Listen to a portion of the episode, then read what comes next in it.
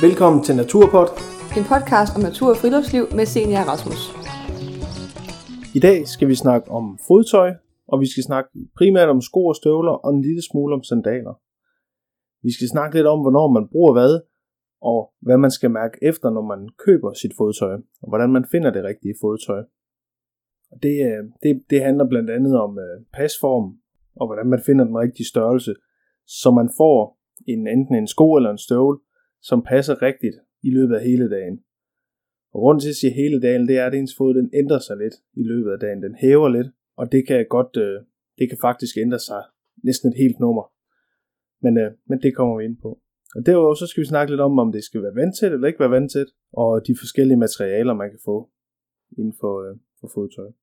Og til slut snakker vi jo lidt om, øh, hvordan man plejer sit fodtøj, og så kommer senior ind, og så snakker vi lidt om, om vores erfaringer, vores øh, historier med fodtøj.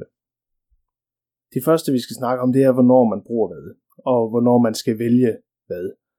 Hvornår skal man vælge støvler, og hvornår kan man nøjes, eller hvornår skal man vælge sko, og kan man bruge sandaler, og hvornår bruger man sandaler. Men når man skal vælge det, det stykke fodtøj, man vil, vil bruge på sin vandretur, så er det vigtigt at kigge på, øh, hvad, hvad skal man. En af de helt store faktorer, når man skal vælge øh, fodtøj, det er, om man skal bruge rygsæk eller ej. Generelt så kan man sige, at hvis man skal gå med mere end, end 10 kilo i rygsækken, så er det en rigtig god idé at få et par støvler. Og det kan egentlig være alt efter, hvor man skal hen og hvad terræn man kommer ud og gå i, så kan det egentlig være alt fra lette støvler til, til kraftigere støvler. Det, der bare er vigtigt her, det er, at når man får en rygsæk på, og når man får noget uventet vægt på kroppen, hvilket man gør ved en rygsæk, jamen så er ens fødder, ens ankler og ens fodled er mere udsatte, og derfor så er risikoen for skader større, hvis man bare går i sko eller sandaler. Derfor så kan man med et par støvler give den ekstra støtte, der skal til, for ligesom at, at, at undgå skader. Men man kan som sagt sagtens, altså hvis man kun går med, ja, jeg vil sige øh, op til omkring 7 kilo måske, så kan man sagtens gå i et par sko. Men jo mere, jo mere og mere vægt man får i sin rygsæk, jo mere udsat er man. Personligt så går jeg næsten altid kun i støvler. Hvis jeg ikke har så meget oppakning med, jamen så har jeg et par lette støvler på, men med en let sol. Og hvis jeg har meget vægt med, jamen så tager jeg mine, mine lidt kraftigere støvler på, så jeg får en ekstra og en bedre støtte. Dernæst så er der selvfølgelig øh, terrænet, der afgør, om vi skal have, om vi skal have støvler på, eller om vi skal have sko på. Hvis terrænet er meget kuperende, og det er meget udfordrende, så er det igen en god idé at have støvler på, så man får den der ekstra støtte. Terrænet kan også hjælpe os med at afgøre, om det skal være en, en blød sål øh, på støvlen, eller om det skal være en kraftigere sål. Hvis underlaget er meget, meget udfordrende, og terrænet er meget udfordrende med mange sten og klipper, så er det en rigtig, rigtig god idé at få en lidt stivere sål, fordi man så på den måde mindsker trætheden i fødderne. Hvis man kan forestille sig øh, en blød sål, der kan man mærke rigtig, rigtig meget af det, man går på. Og det kan du ikke på samme måde med en stiv sål. Og derfor så mærker fødderne mindre, og dermed så bliver de også mindre trætte. Fordi man ikke mærker alle de der ujævnheder, øh, der gør ens fødder trætte. Nu er vi lidt inde på, på såler og støvler og sko og og hvad skal man så egentlig kigge efter, når man er ude at købe enten sko eller, eller støvler? Og det er simpelthen det, man skal kigge efter, det er, hvordan stålerne er på støvlerne. Man kan tage fat i en, i en støvle, og så i stedet for, at man vipper tæerne opad på støvlen, så vrider man ligesom sålen. Og jo sværere den er at vride, jo stivere er sålen. Og sådan lidt firkantet kan man sige, jo mere vægt man har på sig i rygsækken, jo stivere skal sålerne være. Eller hvis man skal op på Kilimanjaro, eller man skal på, på andre bjerge, jamen så en god stiv sål, det er guld værd på sådan en tur. Derimod en, en lidt blødere øh, sål kan bruges til for eksempel caminoture, eller hvis man vil gå øh, hervejen herhjemme med, med knap så meget oppakning. Øh, så er det, en, det er oftest lettere støvler, og de er meget mere behagelige at gå i. Så dermed ikke sagt, at, øh, at fordi den er lidt så den dårlig. De er alle sammen gode til hver deres formål. Og så kan man selvfølgelig få en sol, der ligger i mellemklassen, som kan bruges til, til lidt af det hele. Derudover så er støtten omkring foden og hælen utrolig vigtig. Når man, øh, når man skal ud og finde sit fodtøj, så er det meget vigtigt, at, at hælen den bliver siddende i hælekappen, når man går. Hvis den begynder at bevæge sig derom, så risikerer man at få vabler, og ens fod bliver rigtig, rigtig irriteret. Derudover så er det vigtigt, at, at når, man, når man går i sit fodtøj, så skal støvlen eller skoen, den skal følge foden. Altså den skal ligesom sidde fast på foden, når man går. Det må ikke være sådan, foden den bevæger sig ind i støvlen. Og der er altså kun en måde at finde ud af, hvordan man, man får fat i de rigtige, de rigtige fodtøj. Den bedste måde at finde den, den rigtige størrelse, det er naturligvis ved at tage ned i en butik og prøve en masse, eller bestille nogen på nettet, og så prøve dem derhjemme. Ofte så kan man også sagtens i butikkerne købe dem med hjem og prøve at have det med hjemme på prøve og gå rundt hjemme på stuegulvet i noget tid. Som udgangspunkt, så kan man sige, det første man gør, når man prøver støvler, det er selvfølgelig lige at måske stikke foden i og mærke, er det her overhovedet noget for mig? Det forudsætter selvfølgelig, at det er nogenlunde den rigtige størrelse, man har fået fat i. Og når man så har fået fat i den rigtige størrelse, så tager man sålen ud af støvlen. Og hvis du ikke kan tage sålen ud af din støvle, så lad være med at købe den. Køb en støvle, hvor du kan tage ind af sålen ud, og eventuelt skifte den ud. Det kommer vi også ind på. Når du så tager sålen ud, så sætter du din fod på sålen, sådan at, at bagkanten af sålen, den flugter med, med det bagerste af din hæl. Når man har gjort det, så skal det lige passe med, at der cirka er halvanden centimeter foran, mellem dine tæer og spidsen af sålen. Og det skal der være, fordi når man går, når man går nedad, så kan ens fod godt glide en lille smule frem. Og hvis den glider frem og rammer på, så får man blå negle. Det gør mega ondt. Så sørg for, at der er lige 1,5 cm luft foran, og man kan også teste det, enten i butikken eller derhjemme. Tag din sko på, eller din støvle på, og snør den, fuldstændig som du vil, når du skulle til på tur, og så sparker man fladt ned i jorden. På den måde, så kan man mærke, hvis den går på allerede der, så er den for lille. Og det er meget vigtigt, at man tager det alvorligt, fordi der kommer mange ind igen, som måske ikke helt har lyttet til rådene og tænkt, ej, jeg bruger 43, og så er det 43, jeg bruger nu. Men så kommer man ind og siger, ah, jeg må altså erkende, at den er for lille. Og det er ærgerligt, fordi når den første er taget i brug, jamen så er det en ny støvle, man skal ud og købe. Så derfor sørg for at prøve dit fodtøj med hævet fødder også.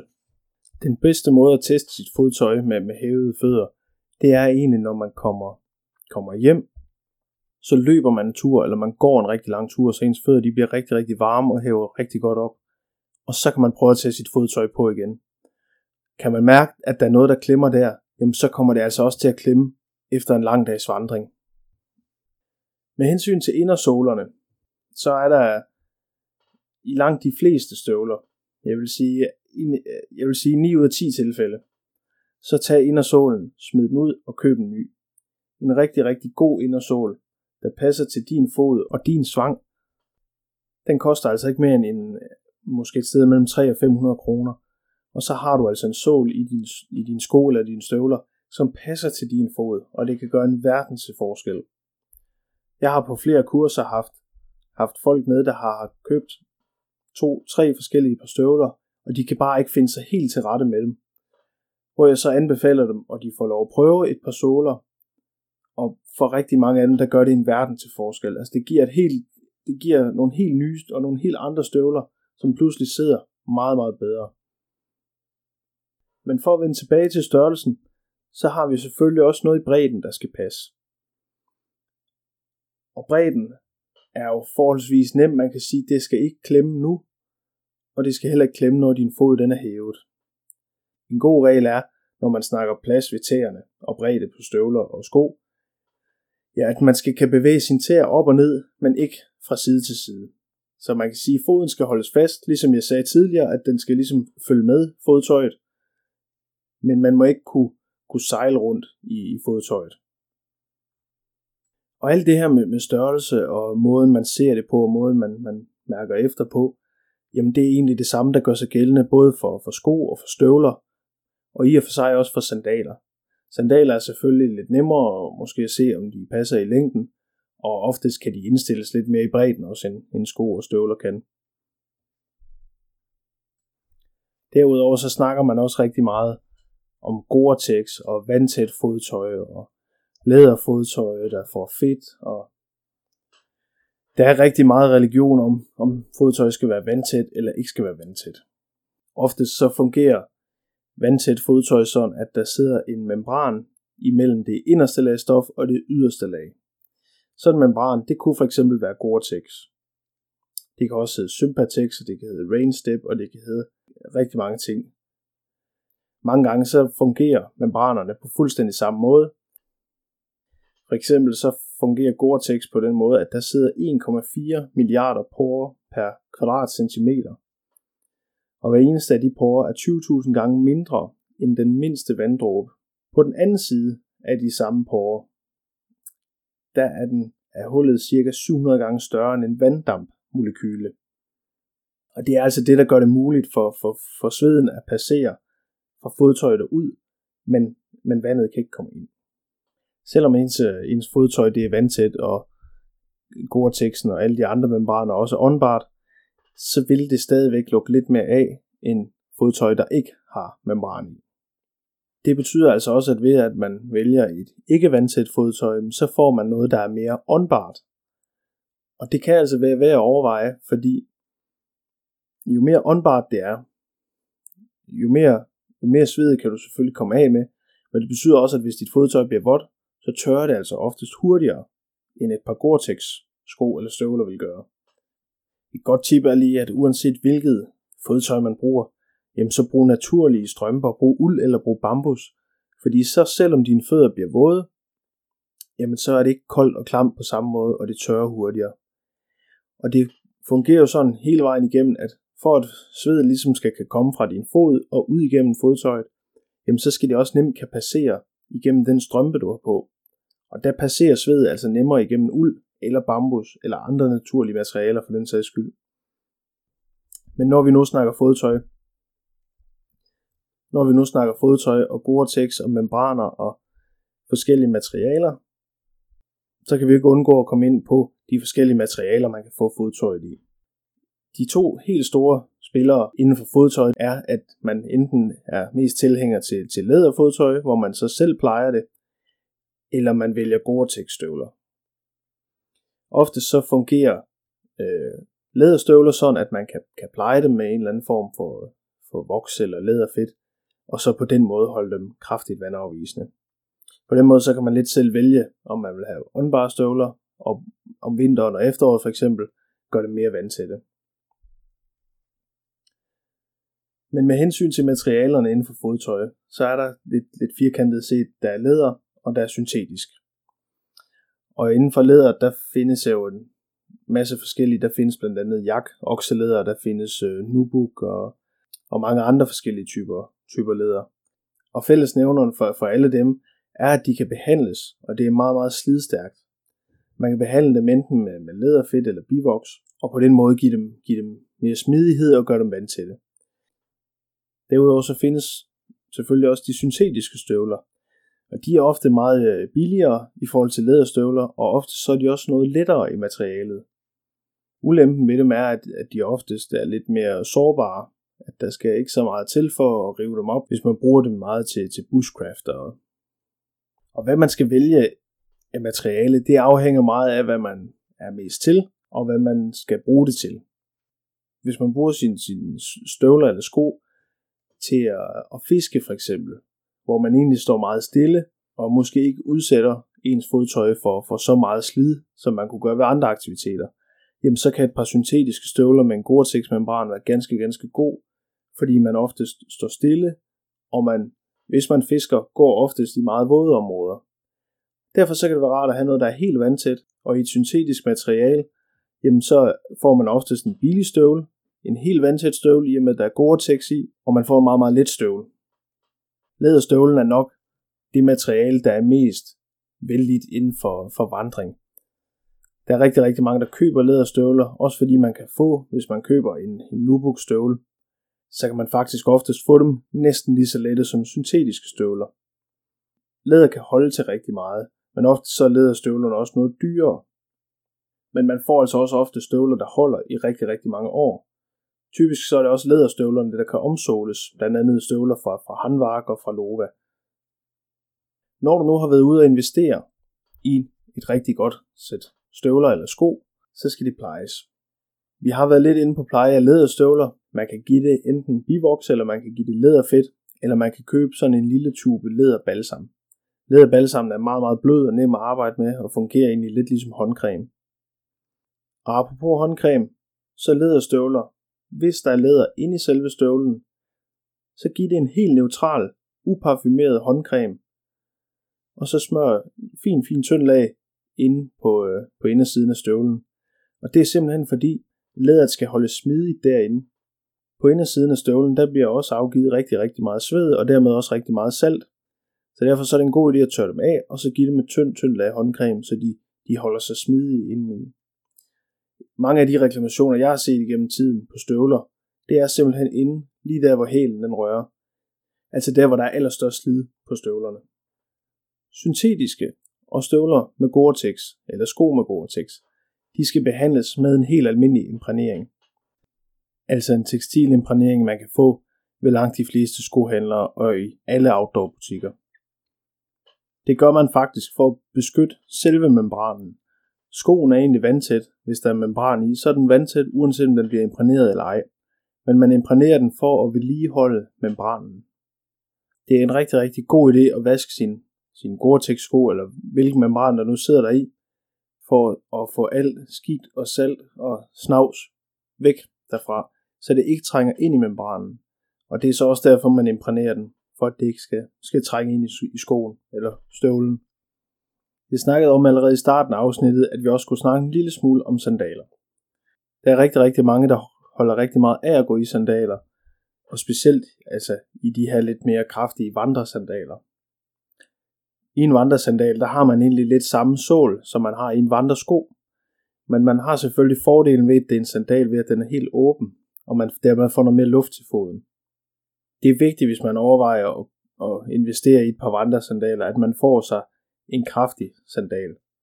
Jeg gør altid det, at jeg har sandalerne med som et supplement til mine støvler, så jeg kan skifte lidt i løbet af dagen. Så når mine fødder er rigtig, rigtig varme, så kan jeg tage sandalerne på og gå en times tid i dem, og så skifte til støvler en gang til. Og det gør jeg simpelthen af den grund, at jeg synes, det er, jeg synes, det er for hårdt at gå i vandresandaler hele turen. Jeg går i vandresko, når jeg ikke har, har særlig udfordrende terræn. Det kunne for eksempel være på, på trækstien langs Gudnåen, og jeg ikke har noget oppakning med.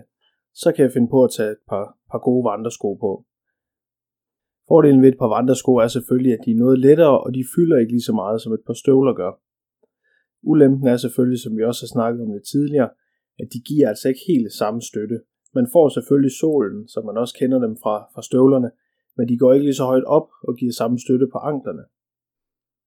Der er også mange, der, der udelukkende går i, i vandresko, men det er ikke noget, man vil anbefale til en ny, da det kræver, at, at ens ankler og ens fodled er trænet til, til at vandre meget. Så derfor så vil man altid anbefale, altså nybegynder også let øve den da, at købe støvler frem for sko. Nu har vi fået, fået senior med igen. Hej. Og nu vil vi fortælle jer lidt om, om vores erfaringer med, med de her tre slags, slags fodtøj. Og det vil vi gøre med tre historier fra, fra vores vandreliv. Vandreliv. Ja. så vi vil både komme med en historie fra vandresko, vandrestøvler og sandaler. Yes. Og jeg, så vil jeg godt starte med at lægge ud. Og så vil jeg fortælle om, da vi lige nu her til sommer har været på ferie i Kroatien, hvor vi øh, skulle ud og vandre. Og der var der jo rigtig varmt dernede, der var jo 35 grader. Øh, og vi ville gerne gå sådan 15-17 kilometer. Øh, og vi havde egentlig ikke sådan planlagt nogen bestemt rute, så vi gik bare derud af, og endte så med egentlig at gå på, øh, på små veje og, øh, og lige ud. Og der havde vi taget vandresko på. Og det var vi egentlig begge to ret glade for. Øh, både fordi de så ikke var for varme, og det var ikke nødvendigt, at vi havde vandrestøvlerne på, når terrænet ikke var sværere, end det var at gå i. Nej, nej det var meget let. Øh. Ja. Så der var ligesom, der var, vi skulle, havde ikke brug for så meget støtte omkring ankler, og Nej. i forhold til, hvis man nu havde haft en vandrestøvle på. Mm. Så der kunne man virkelig mærke, at, at det var rart, men at, at det var en lav sko, der kun lige gik til anklen, og som ikke var så tung, når vi ja. alligevel hverken havde oppakning eller noget med. Ja, det var dejligt nemt bare at træde i dem og så gå afsted. ja. Og øh, en anden med vandrestøvler har så været, da vi var på Island. Det var vi sidste år i januar, hvor der var jamen, nogle steder var der op til en meter sne, og andre steder var der, Ja. var der kun lige få centimeter og en masse is. Og, så der havde vi jo der havde vi fuld oppakning med, og havde så øh, kørt rundt og, i bil, og så gik vi ud fra bilen af forskellige steder. Øh, så der øh, havde vi vandrestøvler på, og der var det jo meget op og ned, og i sne og i is, og så der var vi rigtig glade for, at vi begge to havde vandrestøvler på, også fordi det, det gav lidt en anden slags varme op omkring anklerne. Ja. Og støtte, når man gik, Ja, gik i bjergene. ja, også fordi sneen er også et udfordrende terræn. Altså, det er jo glat, og det Ja, er tungt at gå i, og og der fik vi da prøvet nogle af dine vandrestøvler af, hvor at, at, at de var ret glatte i forhold til mine, så det var Ja. lidt sjovt at se. Der altså kan godt være stor forskel på, hvordan vandrestøvlerne er, og hvad for et mærke det er, hvordan det er at gå i. For eksempel Ja. i det her tilfælde var det is, hvor du, du gled bare rundt. Det var lidt sjovt. jeg gled rundt, og Senior, hun gik bare fuldstændig som om, var det græs under fødderne. Ja, Så der var kæmpe, kæmpe forskel. Det skal så også siges, de var noget slidte, de støvler. Ja, det var nogle af de. Ja. Men det er svært at skille sig af med gode vandrestøvler, selvom at de er, de er brugt op. Det er det. Mm. Og den sidste historie er fra, øh, Ja, det er, det er mig, der har haft en historie med, med vandresandaler. Jeg har været ude gå sammen med min lillebror ude på trækstien, hvor øh, det er rigtig, rigtig varmt, så han vælger at gå i, i sandaler. Og det er en, en mellemvandrersandal, altså den er ikke helt blød, men den er heller ikke helt, helt stiv sålen. Men vi går omkring 20 km den første dag, og da vi kommer frem, der har han en kæmpe vabel på hans fod. mm, Og jeg er gået i de lette støvler, og der er ingenting at se. En anden historie også, en hurtig en med, øh, med sandaler, det er, at forleden weekend, der havde jeg en kammerat, der også gik omkring 20 km i sandaler. Og han sagde, at hans fødder de var fuldstændig smadret, da han kom frem. Fordi det giver ikke samme støtte, som, som støvler gør, eller sko gør. Så hvis man skal gå langt, ligesom det Ja, er varmt, Ja. ja. sommer eller vinter, så er det altså en god idé at, det, det synes jeg i hvert fald. at gå i måske bare skoen, ligesom vi gjorde, da vi var i Kroatien. Ja, eller som jeg nævnte tidligere i podcasten, altså skift lidt undervejs på turen. Man kan godt skifte imellem sko og sandaler, eller støvler og sandaler. Hvis man ved for eksempel, at terrænet skifter også, så kan man følge ja. terrænet lidt måske. Lige præcis. Mm. Så man skal passe på sine fødder. Det skal man. Det var det i det her afsnit om fodtøj. Jeg håber, I har fået lidt ud af det. Og I kan selvfølgelig uh, læse lidt mere og se nogle af de ting, jeg har, har snakket om. Dem kan I se ind på, på bloggen naturpod.dk. Mm. Og I er velkommen til at komme med, med spørgsmål eller noget, hvis I synes, vi mangler noget. Det var det. Ja. Hej hej. Hej hej!